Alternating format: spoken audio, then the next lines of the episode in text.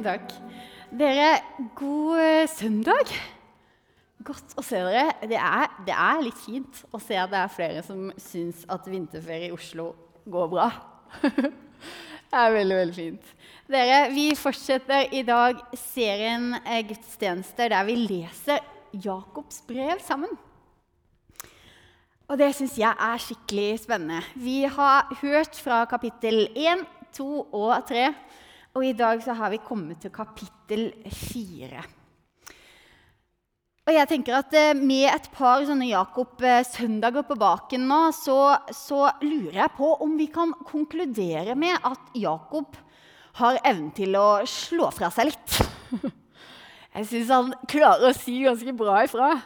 Og I et litt sånn nerdete øyeblikk denne uka så satt jeg og tenkte Hva om jeg kunne gjort en liten personlighetstest på Jakob?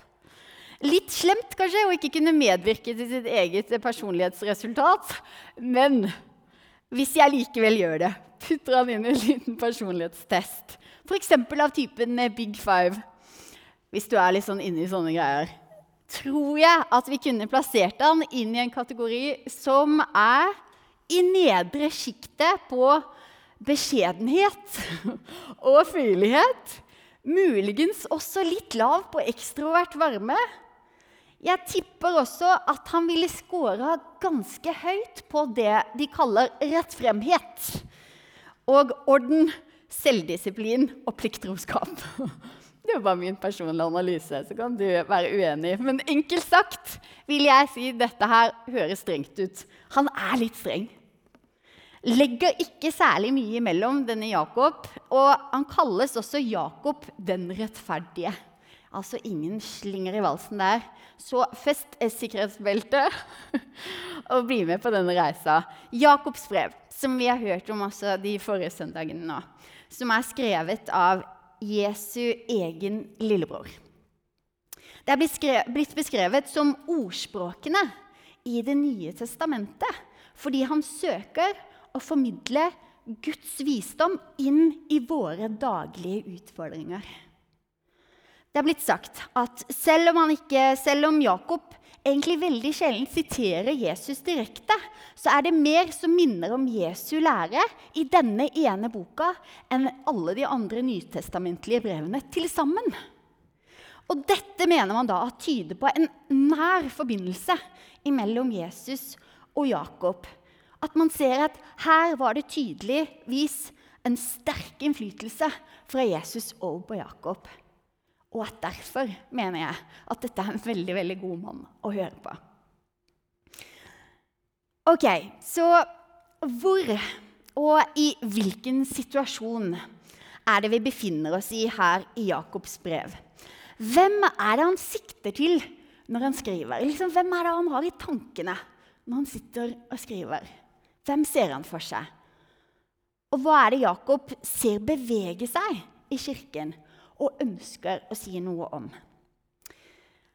Mot slutten av kapittel 3 beskriver Jakob noen utfordringer som han ser at Kirken står overfor. Han omtaler det som menneskelig eller jordisk visdom, bitter misunnelse og selvhevdelse i hjertene, stolthet, selviskhet, og at dette fører til konflikt og splid, splittelse i Kirken.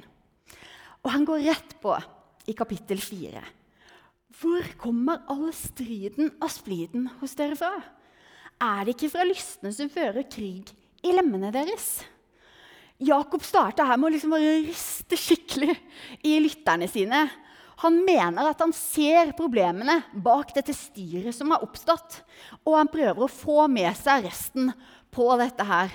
Nemlig dere preges av misunnelse og selvhevdelse og grådighet. Og det er dette som fører til all denne krønglingen og alt dette styret.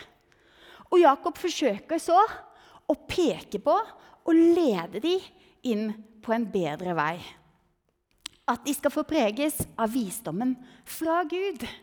Den visdommen som er ren, fredelig, mild, hensynsfull, full av barmhjertighet og gode frukter, som ikke gjør forskjell, som er uten hykleri. Og med det som bakteppe så tenker jeg at det er mye som tyder på at det Jakob først og fremst ønsker å kommunisere i kapittel 4, er å velge Gud som sentrum av livet sitt. Man kan dele Jakob, eh, inn i, eh, tre, inn Jakob 4, 1-10 inn i tre deler.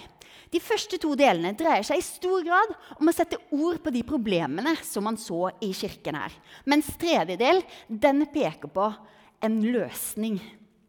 Vers 1-3 der skriver Jakob strengt til leserne sine om at bønnene deres, syns han, preges av sinne og egoisme mer enn av tillit til Gud.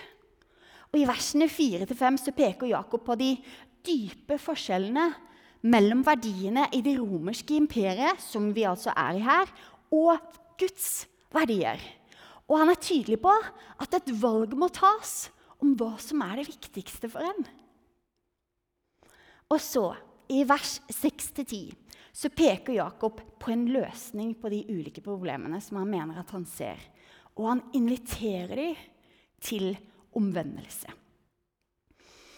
Og selv om noen ting eh, vil se eh, veldig annerledes ut i vår tid, og selv om også Jakob anno 2023 jeg tror jeg ville kanskje ha ordlagt seg bitte litt annerledes på noen punkter her, så er det veldig relevant problematikk. Nemlig konflikter og relasjonelle problemer. Konflikter i verdier i samfunnet vårt. Hvem man lytter til, hvem eller hva som skal ha det siste ordet hva som betyr, hvilke stemmer som betyr mest. Og hvordan finne en sunn og riktig vei, både som enkeltpersoner og som fellesskap, i alt som er viktig. I alle våre forskjeller og ulikheter, og hvordan vi er i vektlegging og overbevisning. Fordi her er vi så forskjellige. Hvordan finne en sunn og riktig vei. Vi leser videre fra kapittel 4 og vers 2. Dere begjærer, men får ikke. Dere myrder og misunner, men oppnår ikke noe. Dere lever i strid og ufred. Dere har ikke fordi dere ikke ber. Dere ber, men får ikke fordi dere ber galt. Dere vil sløse det bort i nytelser. Ok, To steder jeg ønsker å stoppe i dette avsnittet her. Dere ber ikke Nei, dere, dere har ikke fordi dere ikke ber. Og dere ber, men får ikke fordi dere ber galt. Dere har ikke fordi dere ikke ber først. Har du hørt noe så enkelt, men samtidig så vanskelig? Jakob refererer her tydelig tilbake til de kjente ordene som Jesus sier i Matteus 7,7. Be, så skal du få. Det er dette Jakob prøver å si her, bare med negative fortegn. Ref. personlighetsanalysen min. Dere, det fins en kraft, mener jeg, i helt, helt enkelt spørre. Be, så skal du få. For be, så skal du få-prinsippet mener jeg på mange måter faktisk er et ganske sånn generelt prinsipp å kunne leve etter i livet. Hvis du ikke spør, så vet du heller ikke om du vil kunne fått et ja. Og hvis vi hadde lest denne Matteus-teksten litt videre Hvis du ikke banker på, så åpnes det kanskje ikke så veldig mange nye muligheter. Og hvis vi ikke leter litt, så vil vi kanskje ikke finne det som skjuler seg litt bak noe.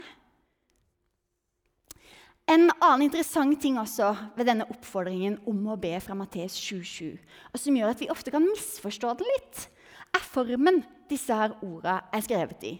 For denne teksten kan fort faktisk tolkes litt for lettvint. En interessant, eh, fordi det greske, ordet, det greske ordet som brukes her for å be, aiteo, det brukes egentlig sjeldent i religiøs betydning om bønn til Gud. For denne oppfordringen til å be, aiteo, kan nemlig forstås som en form for tiggervisdom. For tiggeren vet så inderlig godt at man ikke skal gi seg selv når man har blitt avvist en eller to eller tre ganger. Man fortsetter å spørre. Det er denne formen som brukes. Be aiteo. Jeg gir meg ikke, jeg spør igjen. På samme måte må heller ikke vi tvile på at vår himmelske Far vil svare når vi ber om noe konkluderer tidligere professor med VMF Hans Kvalbein. Dere, Det fins en enorm kraft i å helt enkelt spørre. Og jeg tror egentlig ikke at vi hadde trengt å lete så mye rundt etter historier i dette rommet. Etter fantastiske bønnesvar som enkeltpersoner her inne har opplevd. Enten helt sånn enkle hverdagslige ting eller de mest utrolige historier. Samtidig så kan nok mange med meg se tilbake på bønner vi har bedt, som står igjen ubesvart. Derfor er dette med bønn et så stort paradoks. Gud svarer på bønn, men han svarer ikke på bønn.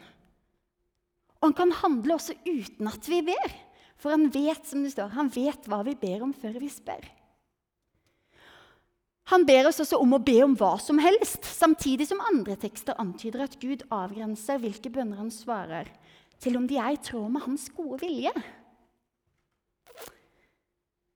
Og det leder oss til tilsynelatende litt kraftig kost fra Jakob.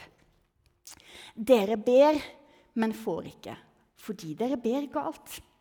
Både Jesus og Jakob belyser det å be etter Guds vilje og ikke etter vår egen vilje.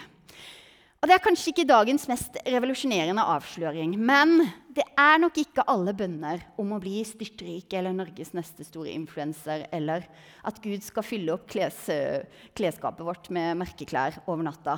Det er nok ikke alle disse bønnene som vil bli innvilga.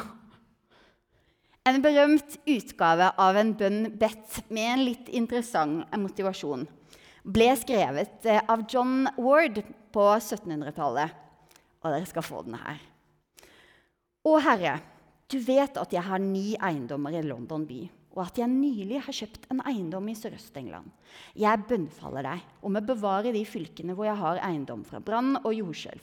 Og siden jeg eier en panterettighet i Herdfordshire, ber jeg om at du ser i miskunn til dette fylket også. De andre fylkene de kan du gjøre med som det behager deg. Å Herre, sett banken i stand til å betale regningene sine og gjør alle mine lånetakere til gode mennesker. Gi skipet Mermaid en vellykket reise og hjemkomst, siden jeg ikke har forsikret det. Og siden du har sagt at de ondes dager er korte, setter jeg min lit til at du ikke skal glemme ditt løfte. Da jeg har kjøpt en eiendom som vil tilfalle meg når den onde sir JL går bort. Hold alle mine venner oppe og bevar meg fra ranere og innbruddstyver, og gjør alle mine tjenere så ærlige og trofaste at de tar vare på mine interesser og aldri underslår meg, verken dag eller natt. Det er flott. og jeg kan jo forstå ham. Han har masse fine ting som Gud må passe på. Og jeg tror vi har også med en voldsomt raus Gud å gjøre. Jeg tror vi har med en Gud å gjøre som aldri slutter å lytte, uansett hva motivasjon vi har. Men det virker som at det også ligger noe i dette å søke først Guds rike.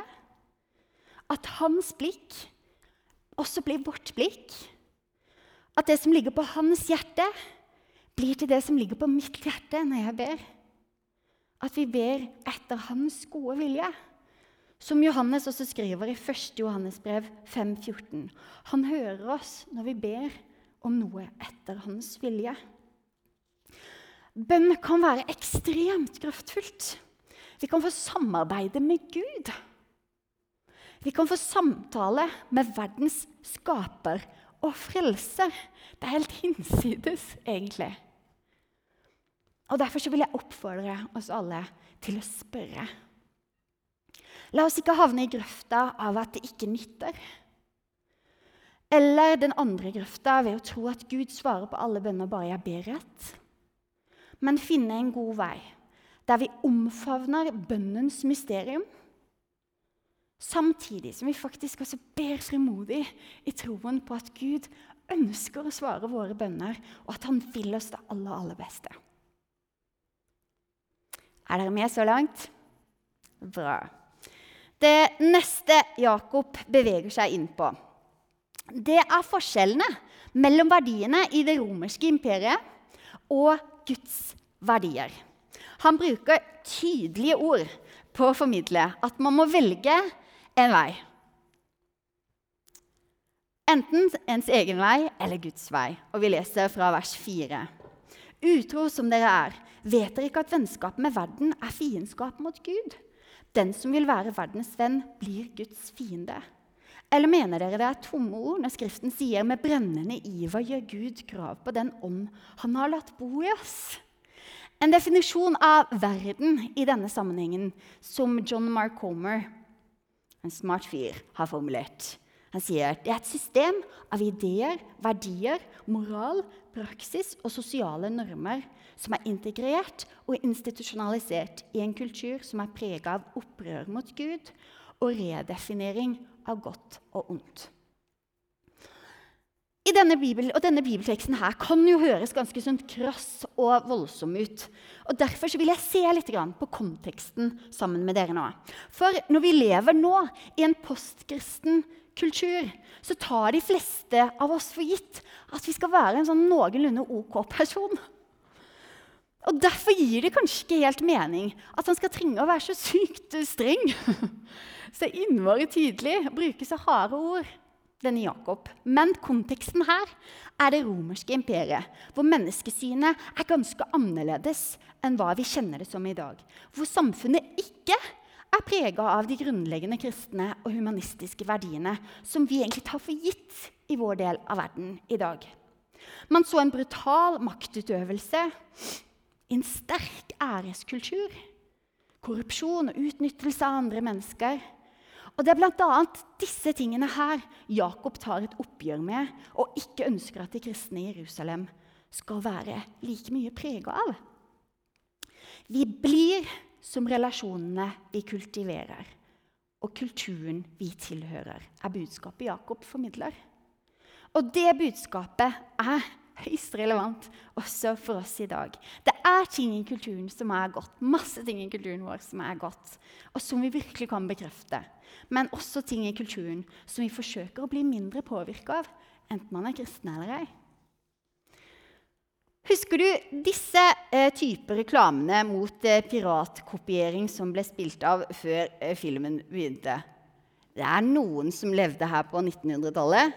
Ja, Opptil flere, tror jeg. Meg sjøl inkludert, hvis du lurte. og det sto sånn her på disse reklamesidene. You wouldn't steal a car. Etterfulgt av bilder av masse folk som gikk rundt og stjelte ting. og bl.a. en person som bare tok en DVD og lurte inn jakkelomma i en butikk. Og til slutt så kom følgende advarsel. Nedlastning av piratkopierte filmer er stjeling. Stjeling er kriminelt. Piratkopierte filmer er en forbrytelse. Tydelig. Klar tale der òg. Men selv om de fleste av oss visste at dette var ulovlig og uetisk å laste ned disse piratkopierte filmene, så gjorde veldig mange av oss det fordi Hvorfor? Alle andre gjorde det. Den moralske linja ble dermed flytta etter hvert som det ble sosialt akseptert. Bibelen sier dårlig selskap ødelegger gode vaner. Og psykologien lærer oss at våre verdier, våre holdninger, våre tanker, de formes i ekstremt stor grad av de vi omgås med, og som er våre forbilder. Derfor bruker store merkevarer som Coca-Cola og Chanel og Sony enorm, enorme summer på å bruke få på laget kjente mennesker som kan promotere de sine varer. Vi kjenner sikkert noen av de.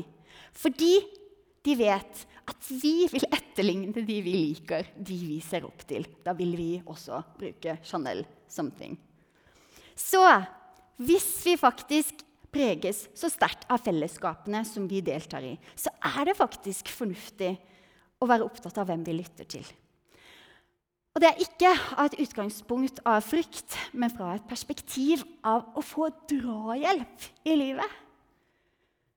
For jeg vil påstå at vi i dag står i en situasjon hvor vi ikke lenger får like sterk drahjelp fra kulturen vi er en del av, til å leve ut de kristne verdiene. Og da trenger vi en økt bevissthet knytta til å navigere livet våre rett og godt en fyr som heter Yuval Harari. det var vanskelig, det. En populær historiker og ateist i vår tid, har beskrevet situasjonen vår ganske godt, syns jeg. Tidligere var det Gud som definerte godhet, rettferdighet og skjønnhet. I dag ligger disse svarene inni oss. Følelsene våre setter retning for våre private liv, men også for våre sosiale og politiske prosesser. Skjønnhet defineres av øyet til betrakteren. Kunden har alltid rett. Velgeren vet best, og hvis det føles bra, så gjør det.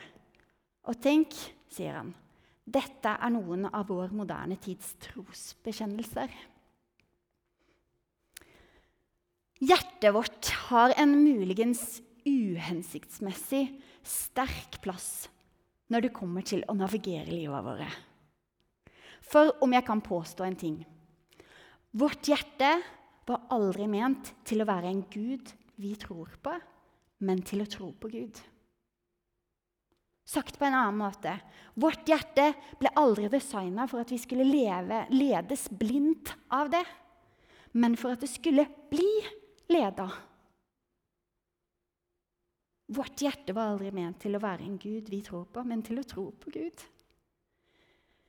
Jeg tror det å bruke våre egne emosjoner som styringsverktøy er skjørere, mye skjørere, enn vi liker å tro. Enn jeg liker å tro. Jakobs budskap er at åndens stemme må få en større plass i livet vårt, som vårt forbilde og som vår rådgiver.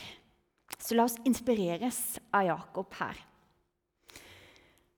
Vi går til det siste delen av disse versene og leser fra vers 6. Men nåden han gir, er større. Derfor heter det Gud står de stolte imot, men de ydmyke gir han nåde. Så vær da lydige mot Gud, lydige mot Gud. Men står djevelen imot, så skal han flykte fra dere. Hold dere nær til Gud, så skal han holde seg nær til dere. Vask hendene, dere syndere. Rens hjertene, dere som har et delt sinn. Klag og sørg, bryt ut i gråt, vend latteren til sørgesang og gleden til alvor. Ydmyk dere for Herren, så skal Han opphøye dere. Jakob lander denne delen i en ganske tydelig invitasjon. Han kaller til omvendelse. Det greske ordet for omvendelse som brukes her, det betyr å tenke annerledes. Å revurdere og ombestemme seg. Jakob inviterer oss til å snu oss om og bevege oss i retning Gud. Igjen eller for første gang. Dette her er Iver Hølmo. Han levde lenge drømmelivet som tekstforfatter i underholdningsbransjen i Norge. Kanskje noen kjenner dette fjeset. Han har skrevet tekster for mange kjente navn. Livet hadde stort sett gått på skinner helt fra han var barn. Karrieren den tok fart, og dagene besto i stor grad av kjendisfester, status, penger og damer. Han sier, 'Jeg følte meg veldig viktig' og levde på en rus både av stoff og kjendiseri. Men som han selv sier, bak fasaden så var det bekmørkt. Jeg ble så høy på meg selv og begynte å se ned på andre. Jeg var oppdratt til å være best og trodde rett og slett at jeg var bedre enn andre. Jeg kunne for mange virke som en hyggelig og omgjengelig fyr. Men det var som regel bare mot dem som gagnet meg og ga meg fordeler. Miljøet Hølmo var en del av, var prega av hard festing. Og det hele eskalerte, og i 36 år så var en avhengig av alkohol, piller, amfetamin, samtidig som han jobba som tekstforfatter og journalist. Og midt i dette her kaoset av rus, kjendisliv, utroskap, brutte relasjoner, hadde Hølmo beholdt troen sin, som han hadde hatt med seg hjemmefra. Og han sier det var en selvfølgelighet å tro på Gud. Det var egentlig noe han kjente til og visste var rett. Men som han sjøl sier, han var så usikker på om, egentlig, om Gud egentlig kunne ha noe med han å gjøre nå. Om han ville det. Var denne her pakka av greier han hadde stått i, og folk han hadde skada og sårt så voldsomt Var dette, var min pakke mulig å tilgi overhodet? Og han tvilte sånn på det. Det var en enkel invitasjon fra en venn som snudde livet til han her fullstendig opp ned. Han ble invitert med på å dele ut matpakker til fattige fra evangeliesenteret. Han tenkte det var jo fint å kunne hjelpe til hos noen som trengte det. Men mest mens han gikk der og hjalp til, så tenkte han det er jeg som trenger hjelp. Jeg er en av disse her som trenger denne hjelpen så sårt. Noen dager senere så valgte Iver å gi livet sitt til Jesus. Og han kaller det som skjedde denne dagen, som en opplevelse av å både bli frelst, bli tatt imot av Jesus igjen og bli satt inn i en ny frihet på samme tid. Han gråt og ba om hjelp. Og det var som om mørket og ondskapen slapp taket. Før hadde jeg vært kald og kynisk og brukt mennesker til min egen fordel. Nå fikk jeg en helt ny kjærlighet og respekt for folk. Jeg fikk også tilbake følelsene mine, jeg som før hadde vært så kald. Samvittigheten ble gjenopprettet, og jeg fikk en helt ny forståelse av hvem jeg var. Hold dere nær til Gud, så skal Han holde seg nær til dere. Jakob bruker denne her formuleringen fordi han ønsker å minne leserne sine om Guds lengsel etter å kjenne dem. Og her, dere, er vi ved kjernen. For alt dette her koker ned til dette ene. Guds egen lengsel etter å leve i relasjon med deg og meg. Hvor langt han faktisk er villig til å gå for å få til en relasjon med deg og meg. Hvor mange ganger han er villig til å ta oss tilbake igjen. Vi snubler. Vi er splitta. Vi svikter. Jeg er selvopptatt. Jeg sier masse dumme ting. Jeg er utålmodig med både mann og barn. Og jeg har dårlige mønstre som gjør at jeg går på de samme og gjør de samme feilene igjen og igjen. Men ingenting Ingenting av dette her overrasker Gud ett sted. Man kan gjerne føle at feilene og manglene er for store. Men nåden han gir dere, er alltid så mye større. Man kan svikte, og man kan føle at sjansene de må jo for lengst være brukt opp. Men sannheten er at hos Gud er det alltid, alltid nye sjanser. Man kan føle at nå bærer jeg på noe som virkelig ikke tåler dagens lys. Men Gud tåler det. Og ikke bare det, han ønsker det frem i lyset. Han vil ha det frem. Han vil ha det. Og selv om han kanskje dømmer seg sjøl eller føler seg nord og ned dømt av andre, så er det kun én dommer. Han som ser og vet alt, men som likevel elsker oss og fortsetter å ta oss imot. Men han trenger dette. Et hjerte som vil invitere han inn. Vil invitere han med i selskapet. Som tør å erkjenne at 'dette klarer jeg faktisk ikke selv'. Jeg har staka ut min egen kurs og prøvd å ordne dette greiene altfor lenge sjøl. Jeg trenger å snu meg om. Jeg trenger å be om hjelp. Og så er det ikke sånn at alt forandres på én dag. Kanskje i noen få tilfeller. Som regel ikke. Men dere, en bestemmelse om å endre kurs på noe i livet vil over tid kunne lede deg til et helt annet sted. Et li livet til den som velger å holde seg nær til Jesus, kan vel kunne se helt annerledes ut enn den som ikke gjør det. Lenger ned i veien så ser det ut veldig forskjellig. Våg å nærme deg Gud med det du har, og med det du er. Han ønsker det, og han tåler det. Den du er, og det du bærer på, trenger overhodet ikke å matche en eller annen type standard som vi tror at han har satt opp.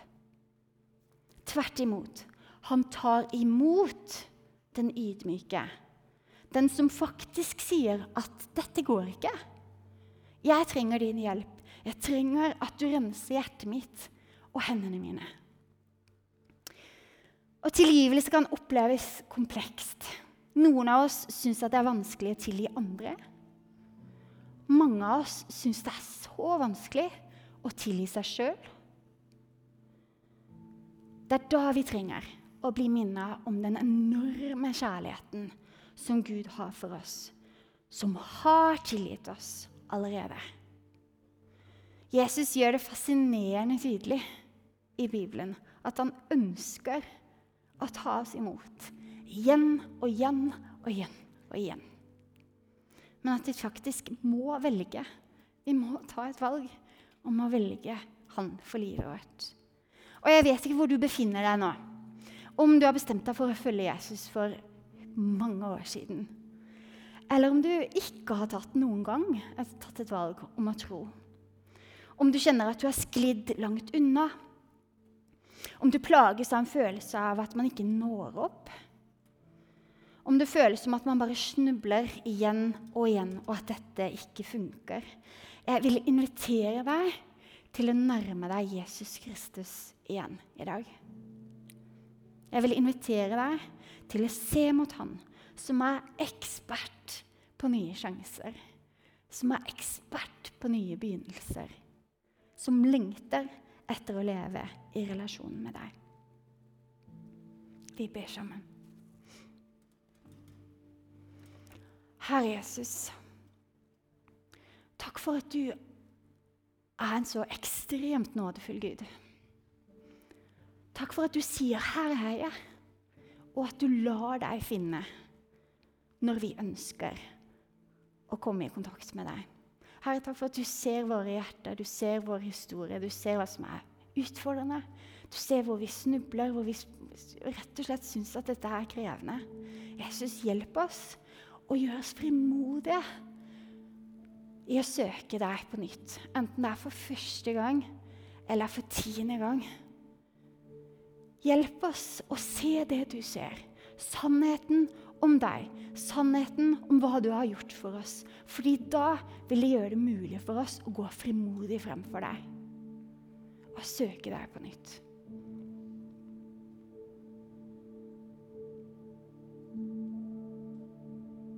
Herre, takk for at du tar imot oss.